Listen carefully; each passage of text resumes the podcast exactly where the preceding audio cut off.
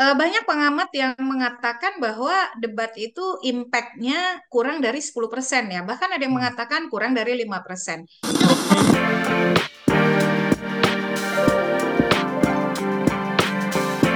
Hai sahabat TCID, kalian sedang mendengarkan podcast Suara Akademia. Ngobrol seru isu terkini bareng akademisi.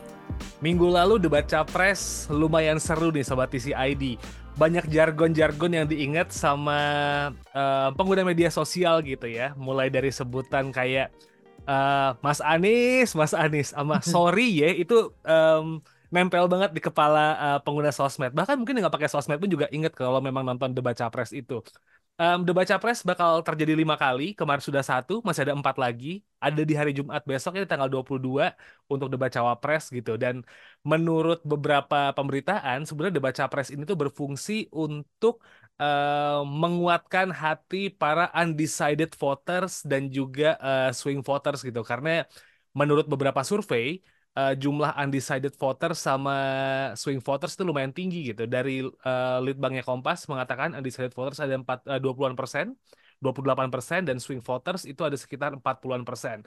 So, apakah debat ini efektif untuk meyakinkan hati para undecided dan juga swing voters gitu ya, untuk menentukan kira-kira di 14 Februari mau nyoblos apa dan siapa? Kita bakal ngobrol di Suara Akademia kali ini dan kita bakal diskus bareng sama Mbak Titi Anggra ini. Beliau adalah uh, pembina dari Perludem dan juga dosen dari Universitas Indonesia. Halo, Mbak Titi, apa kabar Mbak?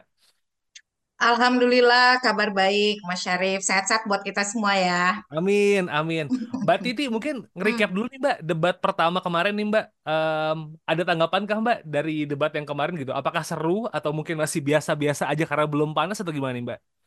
Iya, uh, saya kebetulan nonton ya full dari awal sampai akhir debat dan nontonnya bareng dengan teman-teman uh, Gen Z dan milenial begitu. Jadi hmm. seru banget gitu. Um, kita beruntungnya tuh tanda kutip ya, ini khas orang Indonesia banget ya, selalu mengawali dengan uh, fortunately gitu, iya. untungnya. Yeah pemilu presiden 2024 itu pasangan calonnya ada tiga. Nah, hmm. ada tiga itu tentu dia mendinamisasi suasana ya. Agak berbeda dengan 2014, 2019 pasangan calon hanya dua dan capresnya eh, sama begitu bisa dibilang. Jadi ternyata eh, pertambahan jumlah calon itu menambah dinamika debat. Okay. Meskipun dari sisi format debat, kalau kita bandingkan dari 2014, 2019, 2024, ada perubahan format. Kalau 2014, 2019, debatnya memang sama-sama lima kali ya. 2024 juga lima kali. Dan kita sempat ramai kan soal format di awal. Jadi 2014, 2019 itu debatnya tiga kali debat, uh, sorry, mohon maaf, uh, dua kali debat paslon, Eh, satu kali debat capres dan satu kali debat cawapres. Ya. Jadi pada waktu itu paslon datang bersamaan tuh di awal debat pertama dan debat uh, kelima. Ya. Lalu kemudian dua kali debat capres dan satu kali debat cawapres. Mohon maaf.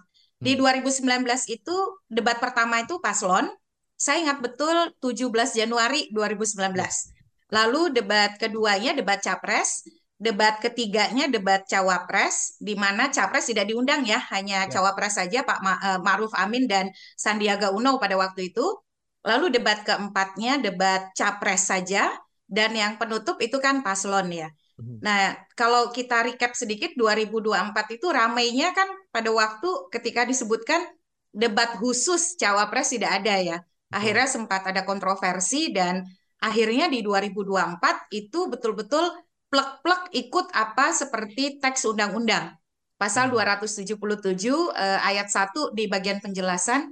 Jadi tiga kali debat eh, capres, dua kali debat cawapres. Nah yang pertama ini kan debat capresnya ya.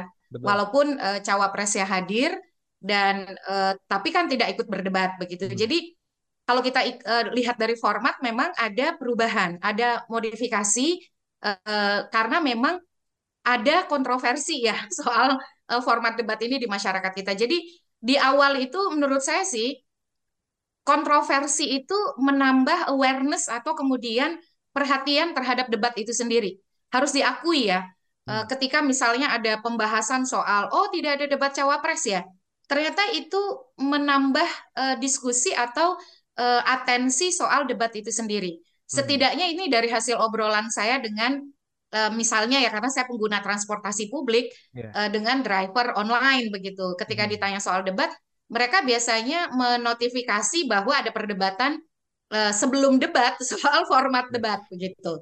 Nah, itu yang pertama dulu dari sisi format memang ada perubahan uh, format debat antara 2014 2019 yang selalu mengawali dengan uh, debat pasangan calon. Jadi kedua-duanya hadir dan menjadi bagian dari proses debat juga ditutup dengan pasangan calon. Nah, kalau sekarang betul-betul ikut uh, sesuai dengan tekstual di dalam undang-undang diawali dengan debat capres ya itu dan ya. akan nanti ditutup lagi tanggal uh, eh, 4 Februari 2024 dengan debat capres kembali dan tetap format lima kali debat itu yang pertama yang kedua uh, saya kira uh, kita perlu apa mengakui memang bahwa uh, bertambahnya jumlah calon itu mendinamisasi uh, pilpres kita selain kita mendapatkan alternatif pilihan yang lebih beragam ternyata dinamika debat juga menjadi uh, berbeda ya dibandingkan hanya dua calon yang berhadapan begitu dan harus diakui 2019 itu seolah-olah memaksa kelompok pemilih itu harus berdiri di salah satu kelompok begitu ya yeah. terpolarisasi sekali. Nah di debat itu kita mendapatkan gambaran bahwa ada distribusi ya uh, setidaknya begitu uh, dukungan dan juga um, bisa dikatakan uh, konfigurasi uh, kontestasi di antara tiga calon ya dari debat saja kita sudah bisa melihat begitu. Hmm. Nah ini yang kemudian juga saya kira memberi warna pada debat. Nah itu jadi adanya tiga pasangan calon uh, menambah dinamika dan dinamisasi proses debat yang lebih uh, bisa dikatakan menampilkan diskursus ya di antara uh, para calon. Yang ketiga saya kira memang ada apa ya kontribusi dari calon yang kemudian membuat debat ini bisa dikatakan lebih menarik daripada debat 2014 dan 2019. Walaupun banyak misalnya yang berekspektasi uh, debatnya seperti presidential uh, debates di Amerika Serikat. Ya. Tapi saya kira itu diskusi yang lain begitu ya. Kita diskusi konteks Indonesia dulu. Nah, um, saya kira calon memberikan kejutan ya di antara um, dinamika uh, pendahuluan soal format begitu.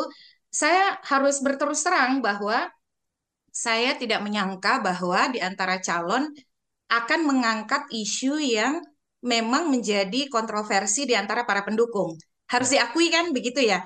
Uh, sebut saja misalnya pertanyaan Eh, ketika uh, Ganjar memulai dengan mengatakan uh, bagaimana pendapat Bapak tentang putusan MK nomor 90.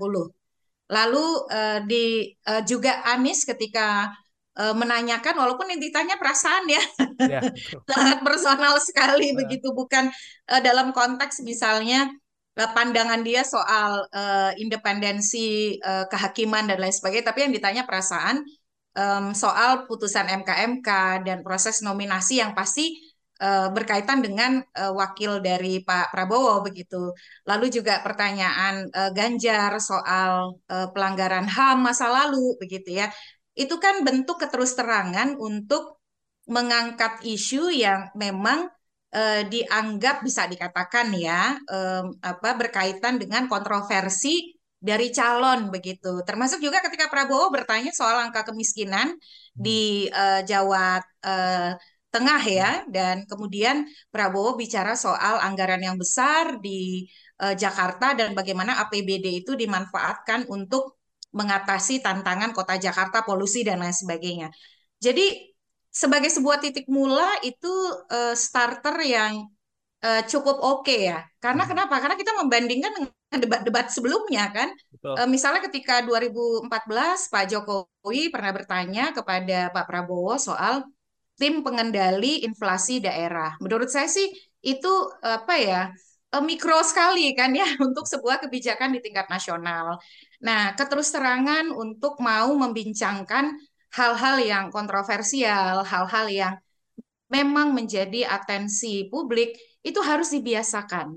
karena hal itu kemudian mengajarkan bahwa kita harus mendiskusikan, membahas dan uh, mendiskursuskan hal-hal yang penting uh, menyangkut uh, apa namanya uh, proses pilpres kita, termasuk juga para pasangan calon dan isu-isu yang merupakan isu penting terkait dengan uh, pasangan calon begitu. Jadi ketika itu didiskusikan secara terbuka, maka kemudian harapannya itu akan lebih memicu masyarakat kita untuk lebih terbuka berbicara tentang perbedaan begitu. Ya. Kalau saya sih melihatnya itu ya. E, karena kita komparasi dengan debat di e, 2014 dan 2019 lalu, ya bisa jadi karena kita hanya ada dua pasangan calon, e, narasinya juga e, narasi yang ya bisa dikatakan e, umum begitu ya. Nah, sekarang itu lebih mau membicarakan hal-hal yang mungkin di beberapa masyarakat yang masih sangat bisa dikatakan konservatif gitu itu dianggap tabu begitu. Tapi justru itu harus dibincangkan. Memang dan harus dibincangkan di antara pasangan calon untuk kita kemudian mau membongkar hal-hal yang penting, hal-hal yang dianggap kontroversial, tapi dalam diskusi yang terbuka begitu ya. Di situ sebenarnya kita diedukasi soal perbedaan pendapat. Nah, saya saya mengapresiasi untuk konteks itu karena kita e, bertransformasi setidaknya gitu ya. Nah, ya itu yang ketiga. Yang keempat adalah e, soal tema. Nah, memang temanya sangat ambisius ya. Tema di debat pertama itu e, hanya e, 120 menit dibagi dalam enam segmen. Segmen pertama e, pendahuluan itu ya, pengantar e, visi misi, Lalu segmen kedua, ketiga menjawab pertanyaan panelis, panelis yang sangat banyak, yang ada 11 orang. Uh, uh, ditambah ritual-ritual memilih amplop dan pertanyaan tema begitu ya. Uh, segmen keempat, kelima tentang tanya jawab dan sanggahan dan yang terakhir penutup ya. Um, menurut saya sih tema yang ada tujuh itu sebenarnya bisa di di apa namanya ringkas begitu. Tujuh ini kan hukum, hak asasi manusia, eh, apa namanya eh, pemberantasan korupsi, eh, penguatan demokrasi, eh, pelayanan publik, eh, kerukunan, eh, satu lagi tuh saya lupa gitu ya. Oh ham ham ya, uh, ya hak asasi manusia tadi sudah. Tapi ada tujuh kan, ada tujuh tema. Nah akhirnya tuh ya sebenarnya tema ini tuh saling berhubungan gitu ya bisa kita pemerintahan satu lagi. Hmm. bisa kita uh, apa istilahnya tuh uh, hubungkan begitu misalnya kokohkan menjadi tiga tema besar uh, hukum uh, hak asasi manusia anti korupsi. Sebenarnya kan di dalamnya juga uh, kalau kita uh, hukum hak asasi manusia anti korupsi dan demokrasi. Misalnya empat ya di dalamnya kan juga pasti tidak terlepas nanti bicara uh, soal pelayanan publik, bicara soal pemerintahan karena aspek demokrasi itu sendiri kan bagian dari pemerintahan. Ya. Nah, itu soal bagaimana nanti uh, keluasan pengetahuan, penguasaan pada gagasan, kematangan pengalaman itu membuat uh, paslon akan banyak bicara soal itu. Tapi yang kemarin karena tujuh temanya besar ya, contoh saya ambil isu pemerintahan itu tidak hampir terungkap banyak ya.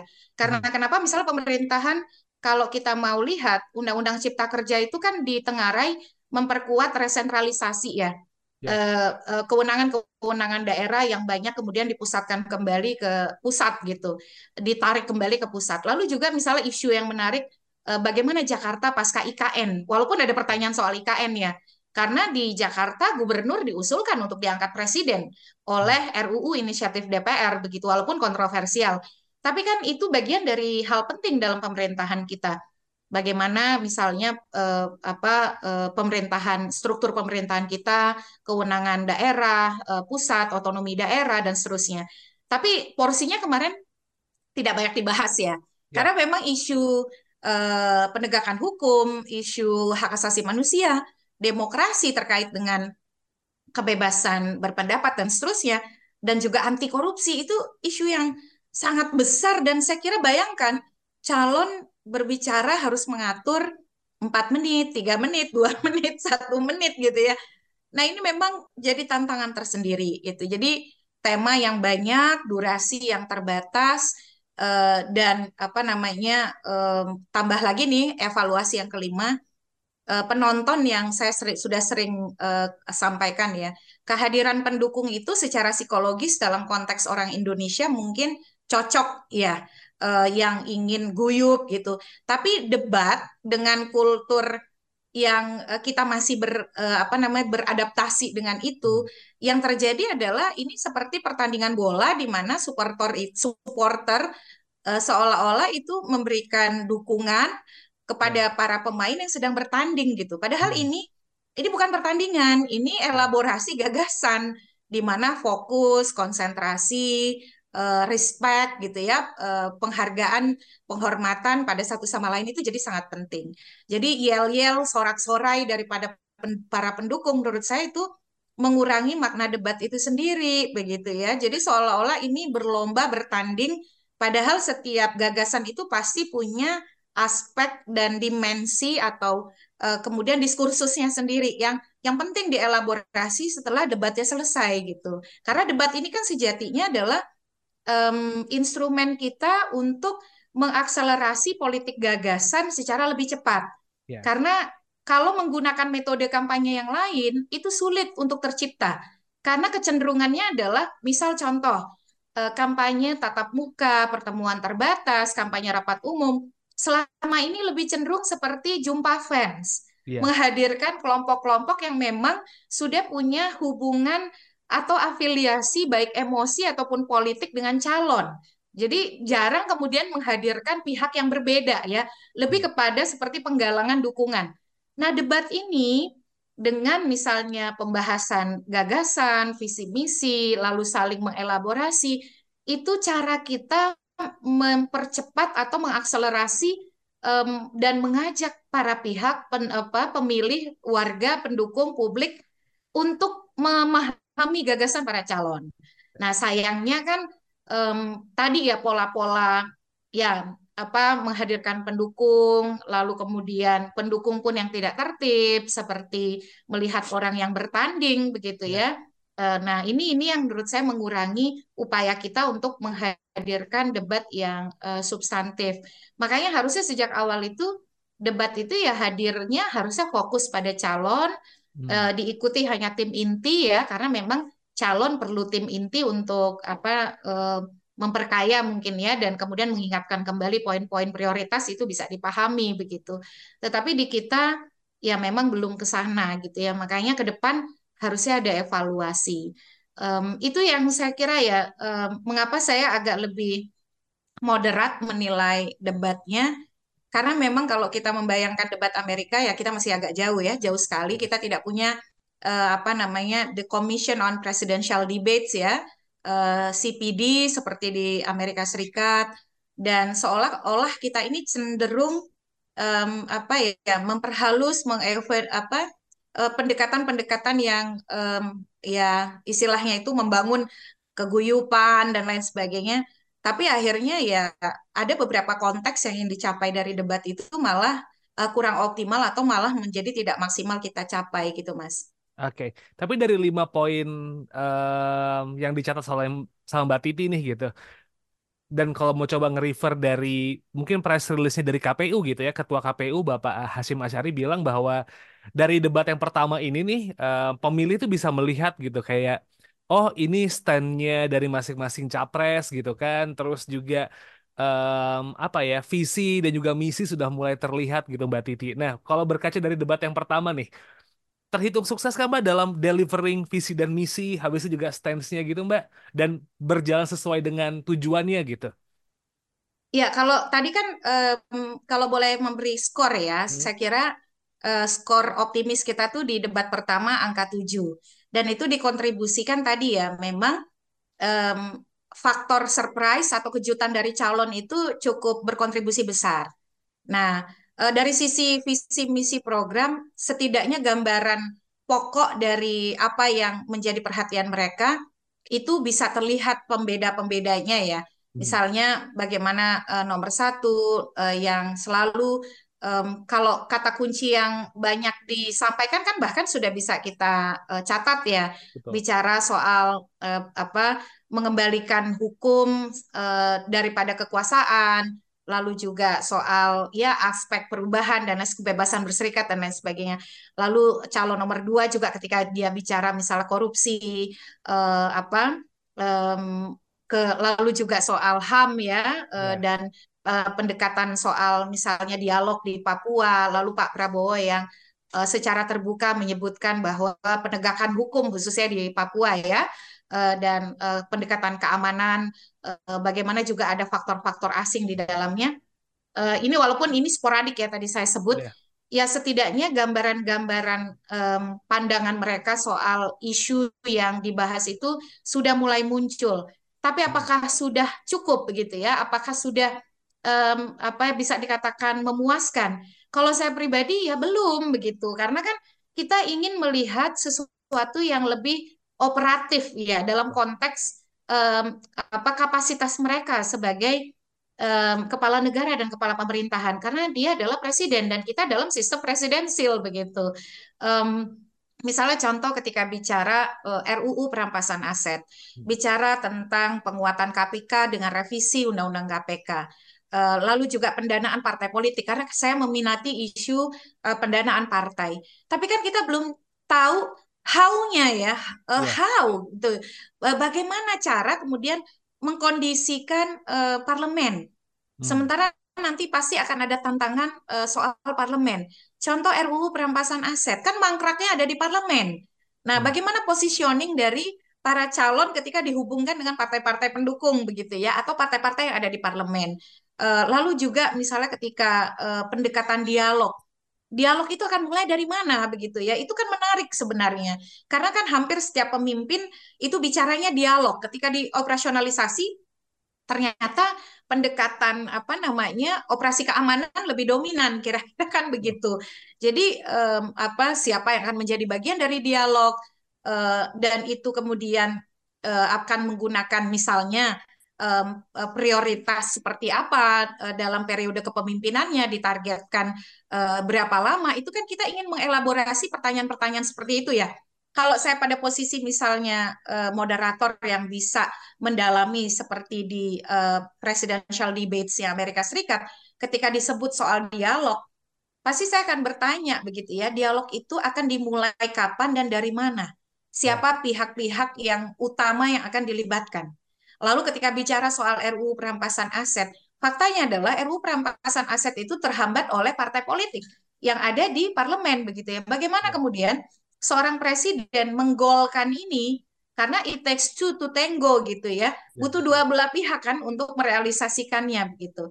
Nah, ini ini kan menjadi pertanyaan-pertanyaan um, yang lebih operatif dan konkret yang akhirnya tidak tergali gitu. Itu yang menurut saya sebagai sebuah pemicu trigger ya kita sudah bisa melihat um, apa karakter dari masing-masing calon gitu atau kemudian pendekatan dari masing-masing calon meskipun bisa dikatakan masih sangat normatif kita belum bisa bicara hal-hal yang lebih konkret untuk mewujudkan apa yang mereka sampaikan masih menjadi sesuatu yang manis lah untuk didengar begitu ya meskipun mereka sudah bisa uh, apa membangun uh, pendirian yang ya membuat posisi saya ada di sini dan uh, saya mengambil sikap ini ya setidaknya itu uh, sudah bisa kita tangkap. Tapi sekali lagi ini memang lebih banyak dikontribusikan oleh uh, calon yang tadi ya mau uh, menyentuh hal-hal yang bisa dikatakan kontroversi atau kemudian dianggap kontroversi di masyarakat kita.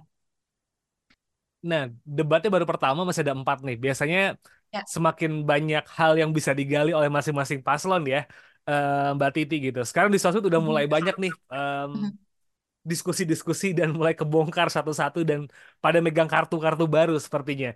Dan akan menjadi seru karena situasi di Indonesia sekarang, based on Litbang Kompas nih Mbak Titi, undecided voters ada di 20%. Which is kalau misalnya uh, 20% ini memutuskan untuk memilih siapa, bisa jadi game changer gitu.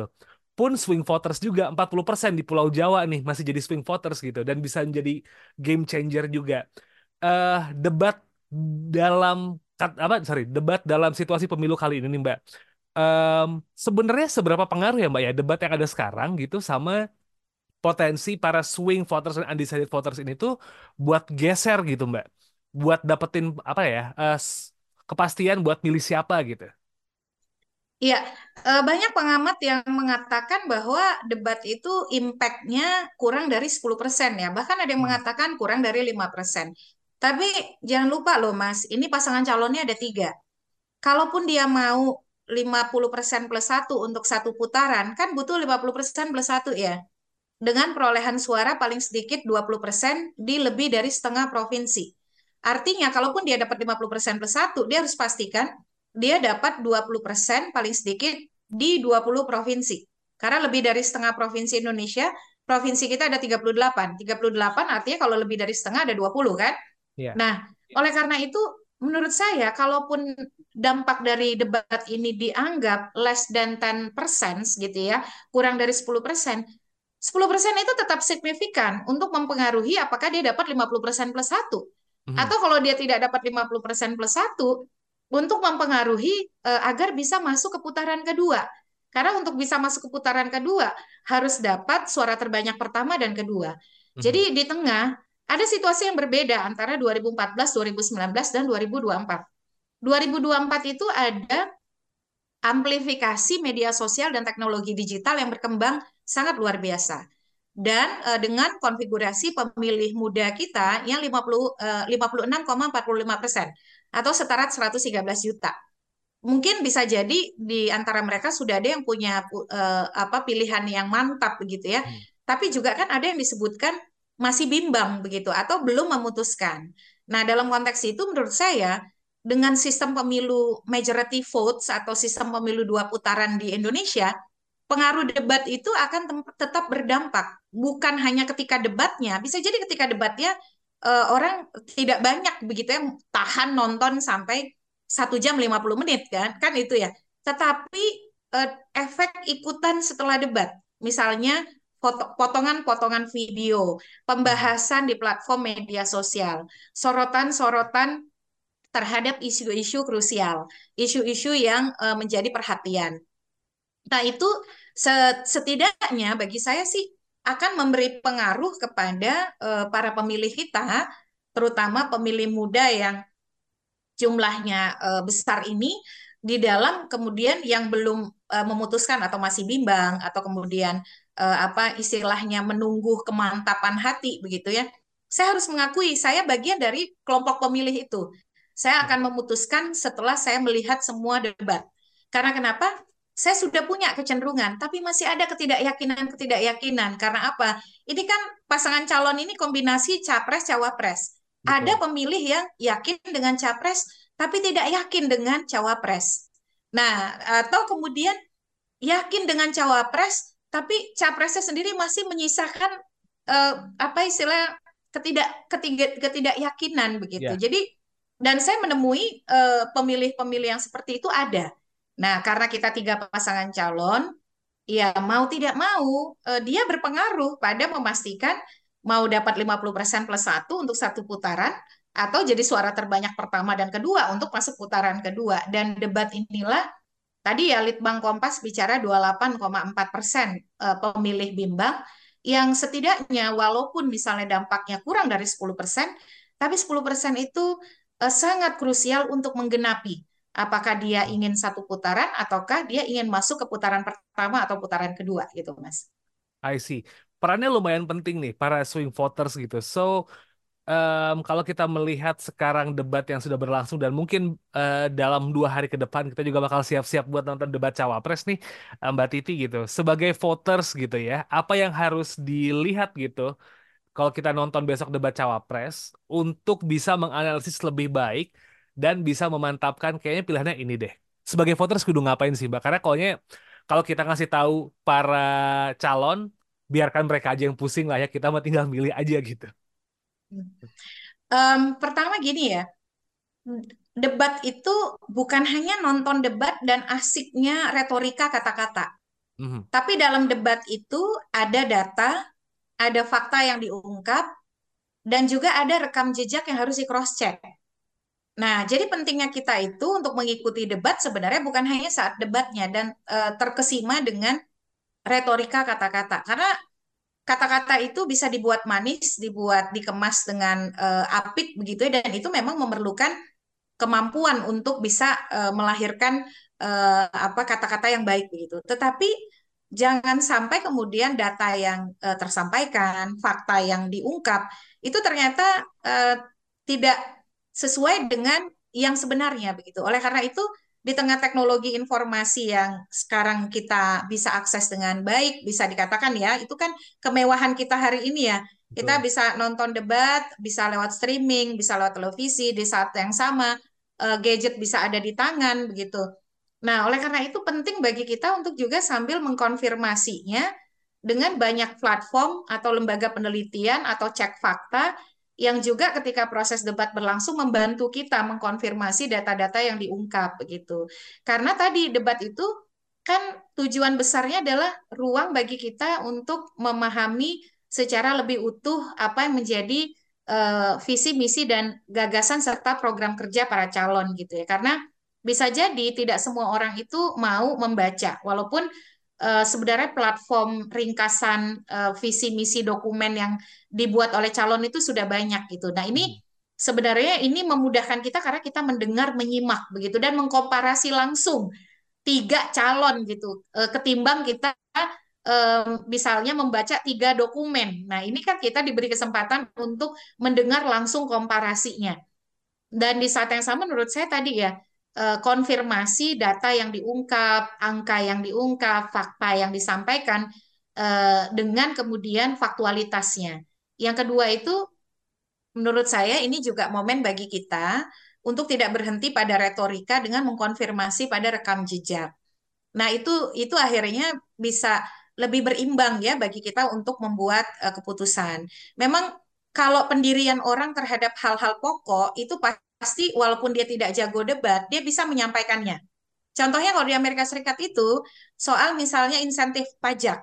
Walaupun dia tidak jago debat begitu ya, tapi insentif pajak itu kan adalah uh, kebijakan yang memang uh, dipahami oleh para uh, kandidat. Lalu juga soal misalnya uh, kontrol senjata antara apa kandidat presiden uh, Demokrat atau Republik atau Green Party begitu ya. Atau partai-partai caleg cal apa sorry capres-capres dari independen misalnya.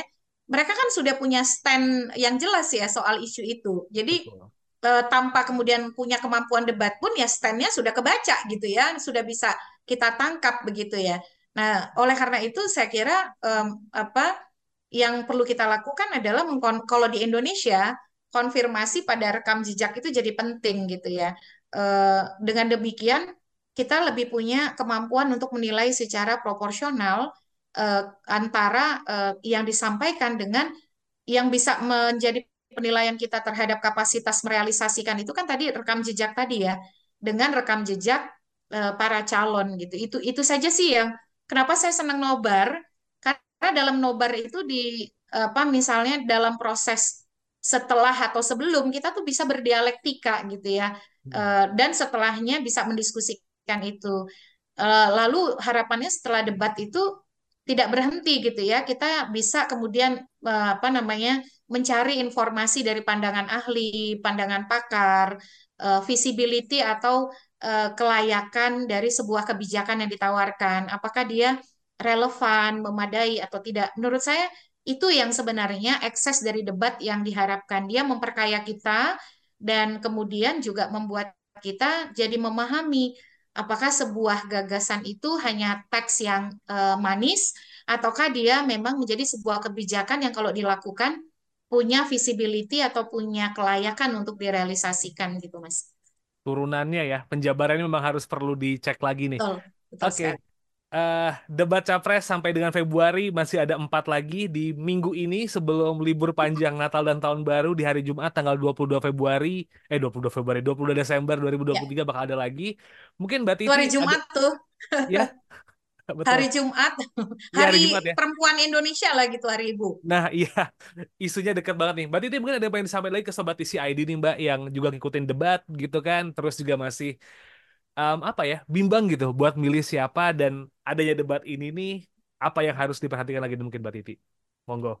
Ya uh, debat itu lima kali ya. Kan setelah debat cawapres kita ada lagi debat capres tanggal 4 uh, eh, Januari ya. Eh sorry uh, uh, 7 Januari lalu 14 Januari dan 4 Februari. Nah, menurut saya ya kalau masih kemudian belum bisa menangkap secara uh, utuh ya, ya berarti kan kita punya PR lagi nih untuk menggali lagi di debat ketiga, keempat, kelima. Bagi saya sih uh, proses debat itu ya membantu kita mengokohkan pilihan.